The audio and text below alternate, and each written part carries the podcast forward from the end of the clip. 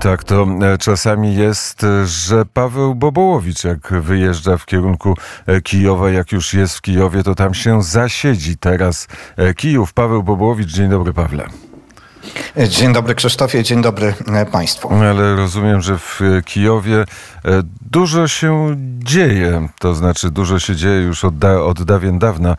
Kolejne ataki rosyjskie, dzisiaj pewno były alarmy w Kijowie, ale zacznijmy od uroczystości, która miała miejsce wczoraj.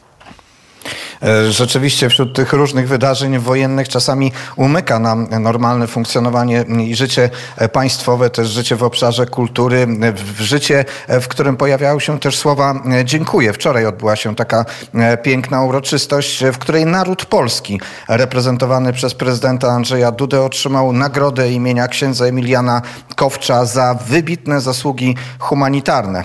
Laureatami tej nagrody zostali również czterej ukraińscy kapelani wojskowi różnych konfesji oraz sanitariuszka obrończyni Mariupola, mm, medyczka z Azowstali Krystyna e, Piliszczuk, tak zwana pseudonim Ptaszka, tak jest pewnie najbardziej znana na świecie. Nagrodę wręczył przewodniczący ukraińskiej cerkwi grecko-katolickiej mm, Światosław Szewczuk i członkowie komitetu. Uroczystość odbyła się w Narodowym Muzeum Hołodomoru. To też ważne i symboliczne miejsce. Naród polski, reprezentowany przez prezydenta Rzeczypospolitej Andrzeja Dudę, otrzymał tę nagrodę z wdzięcznością za wielki, powszechny zryw poparcia dla Ukrainy. Szczery akt braterstwa, który zaświadczył e, historii o prawdziwej istocie naszych stosunków i zawsze będzie ocieplał ich przyszłość. Tak napisano w laudacji, tak wygłoszono w laudacji tej nagrody, która jest adresowana dla całego naszego narodu ze wskazaniem na naszego e, prezydenta. Nagrodę w imieniu polskiego narodu odebrała charge d'affaires Agnieszka e, Góralska, pełniąca obecnie obowiązki e, ambasadora Rzeczypospolitej Polskiej na e, Ukrainie. Ta nagroda była specjalną nagrodą wśród tych, które wczoraj zostały, zostały wręczone. Jeszcze raz przypomnę, że innymi osobami, które otrzymały tę nagrodę, to były osoby bardzo ważne z punktu widzenia Ukrainy i symboli, symboliki ukraińskiej. Krystyna Poliszczuk, ptaszka służąca w Gwardii Narodowej, to sanitariuszka która zasłynęła tym, że pozostała z obrońcami Azowstalu w czasie obrony Mariupola sama ze swojej mm, e, woli własnej. Mogła stamtąd wyjść, mogła być ewakuowana, e, pozostała do końca, później trafiła do ukraińskiej niewoli, a po powrocie z ukraińskiej niewoli znowu e, jest teraz na froncie i znowu mm, służy w ukraińskiej armii. Wczoraj mm, nagrodę w jej imieniu odbierała mama ptaszki. Wśród tych nagrodzonych czterech kapelanów różnych konfesji, bo znalazł się tam i kapelan prawosławny, i znalazł się kapelan grecko-katolicki, e, i e, pastor, ale też imam. A, a przypomnę, że jest to nagroda, która, w, w której największą rolę pełni przecież ukraińska cerkiew grecko-katolicka. Wśród tych osób był znana, jest znana postać na naszej antenie ojciec Serhii Dmitriejew, kapelan prawosławnej cerkwi e, Ukrainy. To też świadczy o tym, jak zróżnicowane było podejście w czasie tego nagrodzenia różnych osób, ale też to, na co zwrócił ojciec Serhii Dmitriejew i ten aspekt polskości wczoraj, dlatego pojawił się dwukrotnie, bo ojciec Serhii Sergiej Dmitriejew, dziękując za nagrodę, e, powiedział o tym, że ma polskie korzenie i e, też dziękując polskiemu narodowi nawiązał do swoich polskich korzeni, nawiązał też do mm, swojego spotkania z e, świętym Janem Pawłem II w 2001 roku. Opowiadał, jakie to miało znaczenie w kształtowaniu mm, jego podejścia, jego, jego kapelaństwa. Niezwykle Niezwykle taka wzruszająca uroczystość odbyła się w Muzeum mm, Wielkiego Głodu, gdzie przecież e, kilka dni temu były obchody wspominające e, Wielki Głód, więc to też taka dodatkowa e, atmosfera podkreślająca, mm, podkreślająca znaczenie tej nagrody mm, w przestrzeni ukraińskiej i podkreślająca w każdym wystąpieniu wdzięczność Ukraińców dla narodu polskiego. A dodatkową atmosferę, tę atmosferę w Kijowie tworzą drony kolejne kolejny atak w, dzisiaj w nocy. 21 dronów zestrzelonych.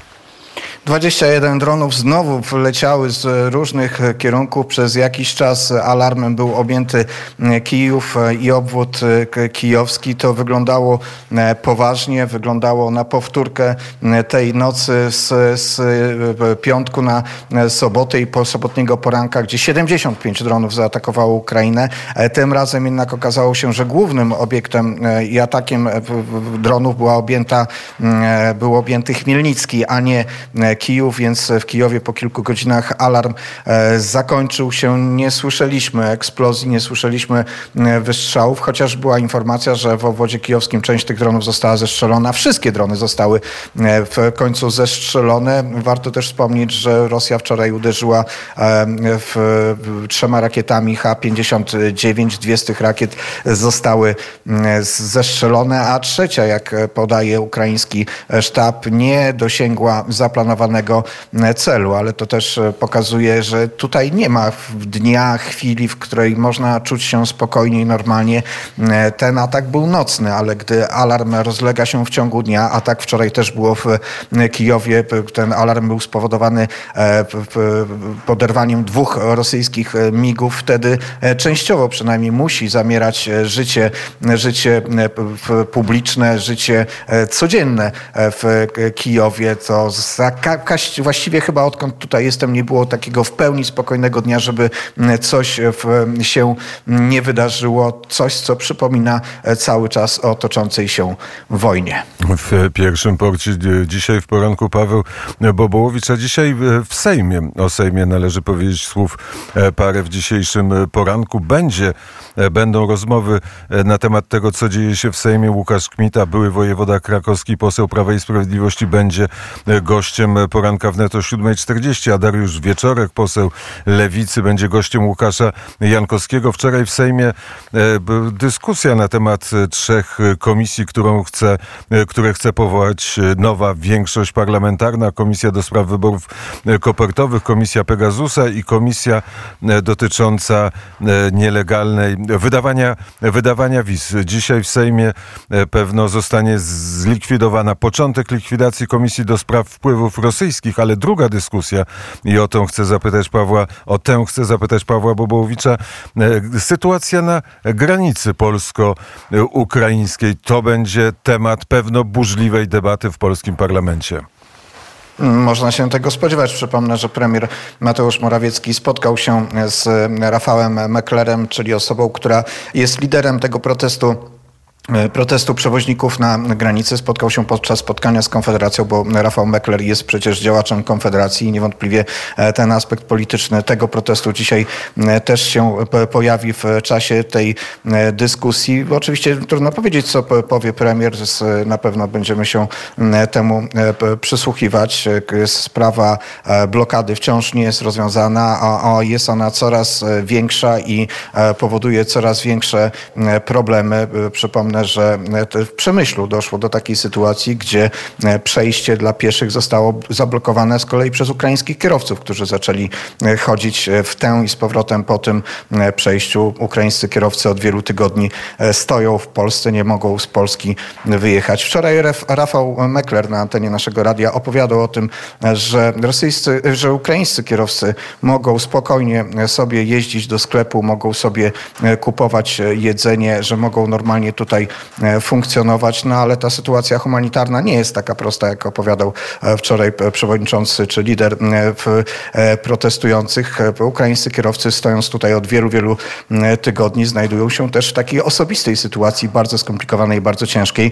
Strona ukraińska rozważa możliwość ewakuacji ukraińskich kierowców. Część z nich zgłosiła taką chęć, ale to też nie jest takie łatwe, ponieważ ich wyjazd oznacza konieczność pozostawienia ciężarówek, pozostawienia ciężarówek bardzo często e, z ładunkiem, którego samego po prostu pozostawić e, nie można. E, Ukraina zastanawia się, co w tej sytuacji zrobić. Końca tego protestu na razie nie widać. Być może słowa premiera Mateusza Morawieckiego dzisiaj tę sytuację zmienią. Ale pozwól, że odniosę się też do tej drugiej wiadomości, do likwidacji Komisji do Spraw Rosyjskich Wpływów, bo w pewnym sensie być może są to rzeczy powiązane, bo rosyjskie wpływy w Polsce należy badać i należy sprawdzać, należy patrzeć, jak to wygląda wygląda. A najlepszym tego dowodem jest sytuacja nie w naszym kraju, tylko sytuacja e, na północy Europy. Nie dziwimy się w ogóle, gdy Finlandia blokuje swoje granice e, przed e, uchodźcami, którzy próbują zaatakować jej granice z Rosji. I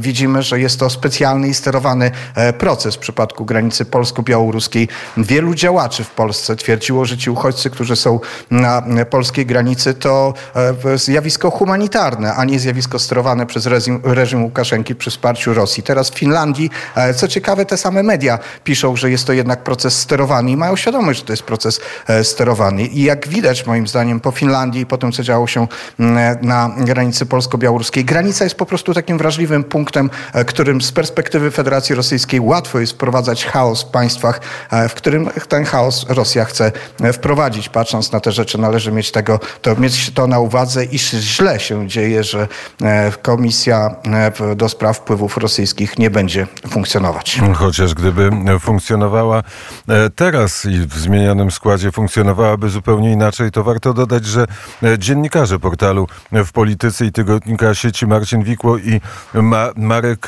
Pyza wygrali.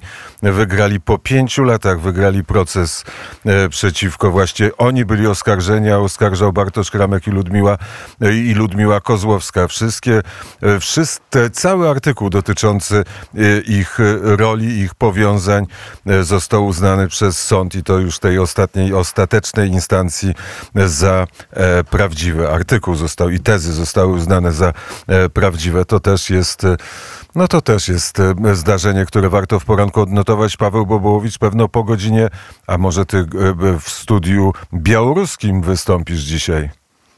E, Tak, to prawda. Będę e, studio białoruskie prowadzić razem e, z Olą Siemaszką. Zapraszamy do wysłuchania informacji też z Białorusi po godzinie dziewiątej. Czyli, Tradycyjnie. czyli kolejny most, tym razem między Wilnem, bo Ola Siemaszko wróciła do Wilna, Kijowem.